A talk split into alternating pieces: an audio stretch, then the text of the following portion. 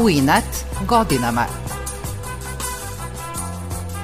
Emisija posvećena penzionerima.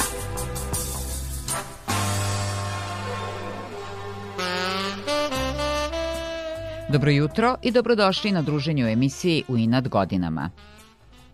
U današnjoj emisiji družit ćemo se sa 87-godišnjim rudarskim inženjerom u penziji Miroslavom Klašnjom, inače nesuđenim operskim pevačem – Iako se nije opredelio za profesionalno pevanje, Miroslav čitavog života peva. Prvo je kao dete pevao rodbini na rođendanima, a kasnije u horovima kao što su Branko Krsmanović, u horu Univerziteta na Sorboni, zatim u horu opere Sarajevskog pozorišta, u Haširi, Jelačiću i mnogim drugim.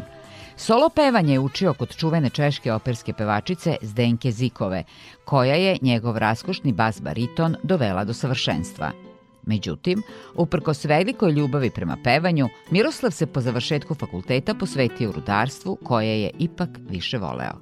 Radio je u rudnicima u Brezi i Ljuboviji, a kasnije se zaposlio u Novosadskom naftagasu. U rudniku Breza je radio sa čuvenim rudarom, čiji je lik bio na novčanici, Alijom Sirotanovićem. Nikada se, kako kaže, nije pokajao zbog svog izbora. Koristio je svaku priliku da peva u nekom horu i tako je sve u životu prepletao sa pevanjem. Aktivno peva i danas u penzionerskom horu 50+. Penzionerka Danica Mirković šefica penzionerskog hora muzička radionica 50+, oduševljena je pre svega njegovim moćnim glasom, zatim pozitivnom energijom, ali i lakoćom sa kojom nosi svoje godine. Prvo sam bila oduševljena sa godinama i sa tim temperamentom i sa bojom glasa u tim godinama i uopšte sa tim pozitivnim stavom prema životu i odmah sam rekla Vesni, našoj dirigentici, reko, molim te, moramo odmah da prepisujemo šta god Miroslav kaže o životu, ja pišem. Znači, hoću da budem kao on u njegovim godinama. Miroslav Klašnja je imao raskošan glas, pa je kao dete na rodbinskim slavljima pevao. Ja sam iz ličke porodice. Moj otac i mati su došli kao solonski dobrovoljci. U toku rata smo bili u Krnjači, tu sam završio osnovnu školu. I od malena sam imao takvi da za pevanje, tako da se me često moli da u Krnjači, to je preko puta Beograda, onda idem po rođendane i slave da im pevam. To je tako neki dar, ne znam koga sam nasledio. Miroslav je, kako kaže, imao teško detinstvo u vihoru drugog svetskog rata – Otac komunista i ilegalac kratko i redko je boravio kod kuće, pa je Miroslav kao osmogodišnjak obavljao teške poslove da bi pomogao svojoj majci. Bila je zima 43. godine, Brat se rodio, rastko, nema ogreva. Ja sam išao na Dunav da skupljam granje i što najinteresantnije, našao sam jednu veliku banderu, jedno 6-7 metara, a to je jedno 2,5-3 km od kuće. I nađem ja neku klamfu, koliko sam 8 godina, zakucam klamfu, zavezem uže i po blatu sam vuko 2,5-3 km do kuće i posle sam tu, tu banderu sam rezao da, da mama može da kuva ručak i da bude toplo. U to vreme što sam i da lovim ribu. Sa 8 godina Išao sam na Dunav sa nekim košarama, pa sam bacim košaru, pa onda u, u toj košari izvučem ribu, pa donesem, e, donesem ribu kući mami da napejem čorbe. Međutim, i nakon rata njegova porodica u kojoj je samo otac radio, nastavila je da živi skromno, kaže Miroslav. Mama je bila domačica, ali bila je veoma obrazovana. A onda ima četiri osnovne škole. Tako da samo otac je radio. Detinjstvo mi je bilo jako skromno. E, posle kad sam završio osnovnu školu u Krnjači, onda moji su da me upiše u Napadinskoj skeli, to je PKB, da za, u školu učenja prigoza održanje traktora i kombajna. Tetka je teča u Sremskoj metodijskoj univerzitinu djeca, on je bio mašinski inženjer. A Onda su rekli, dođi ti kod nas da nastaviš gimnaziju. Tako sam otišao u gimnaziju. Miroslav je i danas zahvalan tetki i teči što su mu omogućili školovanje. Imao sam sreću da sam došao na kulturnu porodicu u Mitrovicu kod tetke i teče. Jer je teča bio je veoma obrazovan čovjek, od njega sam mnoge stvari sa stanovišta istorije, poezije, političkih e, situacija u svetu. Sve sam to od Teđa slušao. Tako da su čak i moji drugo iz gimnazije dolaze i da slušaju Teđu kad Teđa priča. Kaže, ti ima sreću da, da živiš kod Teđa koji maltene da je enciklopedija. I da nije bilo tetke teče, ja bih završio taj zanat, bio bi održao traktore i kome, bio bi, bio bi bravar. Njegov teča, izuzetno obrazovan čovek, imao je poseban način da ga podučava srpskoj poeziji, kaže Miroslav tako da sam mnoge stvari od Teše našto po srpskoj poeziji sam jako ponučio. I on recimo kaže, nemaš cipele, nauči mi plavu grobnicu od Milutina Bojića. Ja naučio napamet Zato hoću mira da opelo služim bez suza, bez reči u zahamehi i da miris tamjana i dah praha združim u stutnjavu muklu doboša daleki. Teča kaže, imaš sipele i da biriš sipele. Onda svetli grobovi, znaju, opet naučim, opet te košulja. Tako je meni teča učio srpske poezije. Sve vreme školovanja Miroslav Klašnja je bio posvećen horskom pevanju. To moje pevanje ste da je nastavio u gimnaziju Sremskoj Mitrovici gde sam maturirao, tamo sam bio solista u gimnazijskom horu. Posle gimnazije upisao sam Rudarski fakultet u Beogradu i postao sam član akademskog hora Branko Krsmanović. Sam je sam dosta putovao i po nagovoru iz Branko Krsmanovića počeo sam učiti solo pevanje. Prvo sam upisao srednju muzičku školu Stanković u Beogradu. Tu sam polagao audiciju i bio sam primljen i nastavio sam paralelno sa fakultetom, da imam te časove solo pevanja klavira i solfeđa. Međutim, zbog obaveza na fakultetu napustio je muzičku školu, ali je po nagovoru familije upisao solo pevanje kod češke operske pevačice Zdenke Zikove. Rekli su mi isto je nastavio solo pevanje da učiš, mi ćemo to plaćati časove. Ja sam otišao kod poznate svetske umetnice Zdenke Zikove, to je najveća češka operska umetnica koja je došla 39. godine posle aneksije Austrije od starih Hitara u Nemačku, došla iz protesta, došla u Beogradu. ja sam kod nje došao, prijavio se i ona me ona primila. Ja sam tu jednom dve i po godine učio solo pevanje. Kod primadone Zdenke Zikove učio je pevanje dok nije završio fakultet. Nastavlja priču Miroslav Klašnja. I došao sam kod gospođe Zdenke, rekao sam ne mogu tri noće da spavam. Šta je bilo, završio sam pre 15, diplomirao sam fakultet i moram se javim firmi. Šta? Pa vi ste, kaže, kod me bili jedini besplatno od svih pevača, članova Beogradske opere koji su dolazili kod mene na savršavanje. Rekao sam, ja e, mora se javim, stipendista sam. Ona je to zalopila klavir i rekla je, idite da s moje oči ne vide. I tako se to tragično završilo moje, moje učenje solo pevanja. Iako su mu svi koji su čuli kako peva prognozirali svetsku slavu operskog pevača, Miroslav se opredelio za rudarstvo i nikada se nije pokajao. Ali ja sebe nisam video u budućnosti da bude operski pevač, jer operski pevač zahteva veliku samodisciplinu, a ja sam bio ovako malo, volao sam i život. Nisam video sebe u, u tom operskom pevanju, mada su se prognozirali da će biti veliki operski pevač zbog glasne sposobnosti. Mirosev je zavoleo život rudara čitajući literaturu kao gimnazijalac. Zato što sam Jednostavno, volio sam taj rudarski poziv. Dok sam išao gimnaziju, čitao sam e, od, od Kronina Zvezdu gledaju s neba, o rudarima u Velsu.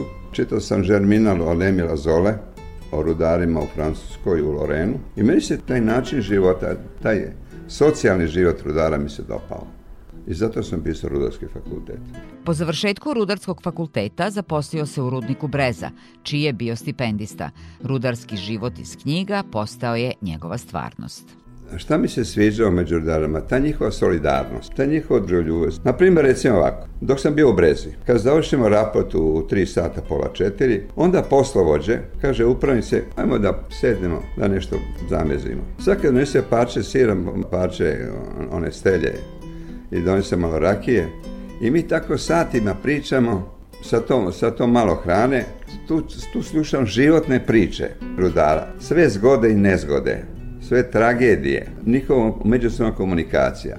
To je mene oduševljavalo. To je kao jedan roman. Taj rudarski život, ja sam njega osetio i zavoleo sam ga. Miroslav je kao rudarski inženjer u rudniku Breza dobio mogućnost da se usavršava na univerzitetu Sorbona.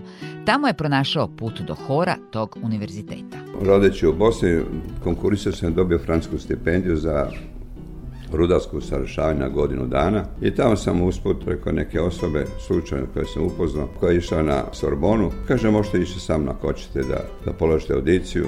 I ja sam otišao tamo, imao sam rigoroznu proveru, to je trajala jedan program oko pola sata sa svih strana memorija, raspon glasa, ritam i tako dalje. Mi rekli su da sam položio. Rekao mi dirigent, kaže imate slovenski glas. Ovi su pevači u nas to sve doktori nauka iz raznih oblasti.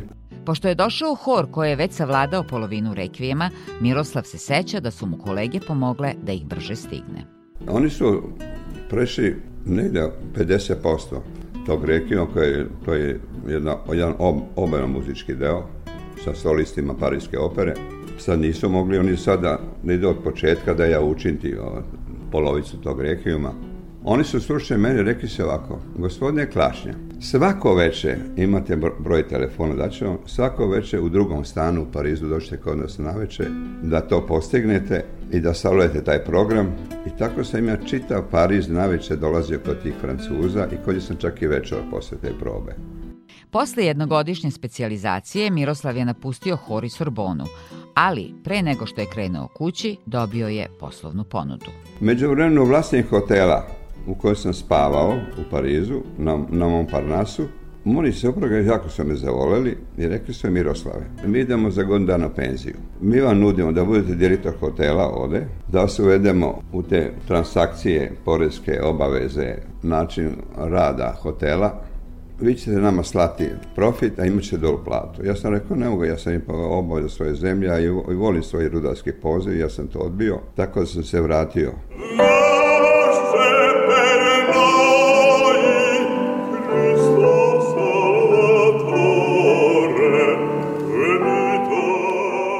Tomislav Klašnja je bio jedan od rukovodilaca rudnika Breza u kojem je radio Alija Sirotanović, najbolji rudar i heroj rada u tadašnjoj Jugoslaviji, čiji je lik bio na jednoj od tadašnjih novčanica. To je jedan bio divan, skroman čovjek. Sa njim bilo vrlo lepo biti u društvu. Mi smo njemu nudili novi stan. Kaže, hvala, ja živim u selu Trtoriću, mojiše šeperuši. i hoću tu da umrem. Tako je bio skroman. Dobio malu penziju. I ja kažem, ali ja daj mi da im, vidi neka mala penzija, ne, ne, nevjerojatno on heroj rada. Čak bio na novčanici. I ja nazovem predsjednika opštine u Brezi, kažem nešto ništa nije u redu, idemo u Pio u Sarajevu i donesem tamo. Kaže greška, greška administracije, po članu 7 on ima penziju po svako druge osobe. On, tu, on se ništa nije bunio i dalje on je čutao, što je to u redu. To je bilo poništeno i dobio penziju koju zaslužuje. Iako je uživao u svom rudarskom poslu, Miroslav nije napuštao ni pevanje. Jedno vreme godina peo sam u proleteru u Sarajevu, pošto Brezo nije daleko od Sarajeva, onda sam me nudio da budem član opere, da počnem od mali uloga. Kad sam pitao kolika je plata, pa kažem ima tri puta veću platu nego vaše operske pevače, rekao sam hvala. Posle toga sam, napuštajući Brezo, otišao sam u, u Rudnik Ljubi, da sam tamo bio direktor Oura Ljubija, to je najveće rudne željezne rude, tu sam bio i tu sam bio član predsjedništa kulturno-umetničkog društva Mladen Stojanović, to je veliki hor, preko 80 članova. Dok je bio u Rudnicima u Bosni, pevao je na otvaranju spomenika Savi Kovačeviću na Kozari. Tada je bio prisutan i tadašnji predsjednik Jugoslavije Josip Broz Tito. Seća se Miroslav Klašnja. I bio sam na otvaranju spomenika na Kozari kada je došao Tito. Prvi put je Tito bio na Kozari. Tito sam pevao sa horom o Savi Kovačeviću sakre Bosne do mora znaga zemlja sva, to sam pevao. I Tito je pitao ko, ko je taj pevač. A moj šofer kaže, direktore, vi kad pevate, na kozori lišća opada sa drveća. Na poziv kolege sa fakulteta Miroslav Klašnja se preselio u Novi Sad i zaposlio u Naftagasu. Tu nastavlja svoju hopsku karijeru. Tu sam bio član Svetozara Markovića, tu sam bio neki solista, Posle u Naftogasu sam formirao jednu mušku pevačku grupu, zvao se Spomenak, gdje smo išli često, obilio sam sva srpska mesta u Mađarskoj, nek po, po više puta toliko godine, od Sent Andreje, Batanje, Deske, Pečuja, Srpsko kovine i tako dalje. Tu smo često gostali, ja sam bio predsjednik tog, tog muškog pevačkog sastava. Posle, nakon na prodaje nafta gasa Rusima, taj hor je prestao da radi. U Novom Sadu Miroslav je postao član još nekoliko horova. Jedan od njih je čuveni novosadski hor Hašira. I onda sam uključio se u taj jevrijski hor Haširu, sa njima sam puno putovao među, i među ostalog bio sam i deset dana u Jerusalimu na svetskom festivalu. O, u Jerusalimu tu smo obišli i Hristov grob, bili smo na mrtvom moru, tako da sam a, puno lepih gostovanja po Italiji, po Češkoj, Slovačkoj sam, sam neka šira gostovala, bio sam sa njima proputovao. Tako da sam doživio vrlo lepih muzičkih manifestacija sa Haširom. Vesna posle došla za dirigenta i tu sam upoznao Vesnu. Dirigentkinja operskog hora Srpskog narodnog pozorišta, ali i hora Hašira, Vesna Kesić-Krcmanović, kaže da sa Miroslavom sarađuje u nekoliko horova. Miroslav da i dalje peva, na primjer ja isto dosta horova vodim, tako se to desilo u mom životu, ali u Jelačiću peva, na primjer, konkretno, to je Petovaradin spor, uspešan u svojim nastupima, tako da Miroslav je tu meni vrlo važan i glavni bas. Sada peva u penzionerima, a ranije je pevao u Haširi. Hašira je ozbiljan hor koji je već postavio neke principe kako treba da, na, na koji način treba da se radi i peva. Uglavnom Miroslav je tu završio kad je bio već stariji izašao je, došao je u naše ove druge horove da nas malo oplemeni svojim plemenitim glasom zaista, a to ima sigurno. Vesna dodaje da je Miroslavljev glas odličan uprkos godinama koje ima. Njegova karijera se nije završila, nažalost, e, kao pevača, nego kao, eto, amatera horskog pevača koji ima predivnu boju glasa i dan danas njega glas služi u tim velikim njegovim godinama. Ipak ima čovjek 87 godina i ima jedan moćan bas bariton koji, eto, i nama služi. U Hrvatskom kulturno-prosvetnom društvu Jelačić Miroslav Klašnja i danas peva. Tamo sam bio u Jelačiću i tu sam bio solista, da smo često više godine. Tu sam on se ključio i, i u, u vokalnu grupu klapske pesme pevamo, jedan manji sastav pevamo, dalmatinske pesme. Tu pevam solo, Masina neobrana, Ružo moja crvena. Miroslav Klašnja i Danica Mirković upoznali su se u horu Jelačić i nastavili saradnju u muzičkoj radionici 50+. Kad sam upoznao Danicu, kad je, kad je Danica formirala ovu muzičku radionicu 50+, ja sam zbog Danice došao ovde. Jer Danica je odličan koordinator i veoma komunikativna osoba I meni se u, u muzičkoj radionici jako dopada, to je jedna divna atmosfera, lepo druženje, tako da se na svakoj toj probi kad imamo ovdje ja se radujem mom dolasku. Penzionerka Danica Mirković kaže da je, družeći se sa Miroslavom, mnogo naučila. Ja njega posmatram. Sa svima stupa u pozitivne kontakte. Idemo već dve godine kao drugari na more i ja nikad bolje se nisam provela nego sa Miroslavom. Ako je pored nas francuska porodica, on njima zapeva francusku himnu i priča s njima na francuskom. Ako je tu Rusi pored nas, jer u Crnoj Gori dosta Rusa, on sa njima na ruskom ruskom, peva im ruske pesme. Bile su ove godine dve Ukrajinke. On je njih pohvalio i rekao, bit će to sve u redu. Znači, baš ono, jedna pozitivna ličnost Miroslav je posebno ponosan na svoje čerke i unuke. Imam dve čerke, starija čerka je poznati lekar za vantelesnu oplodnju, mlađa je za srednju školu, imam dve unuke, jedna unuka studira medicinu treće godine, a druga unuka na elektrotehničkom fakultetu studira softvere. Imam pametne unuke. Miroslav će pevati u Jelačiću i horu muzičke radionice 50+, dokle god ga služi njegov bas bariton i preporučuje svima koji mogu da se priključe nekom horu. Bilo je to sve za danas, do naredne subote pozdrav od Nevene Vrtulek i tonskog snimatelja Aleksandra Sivča.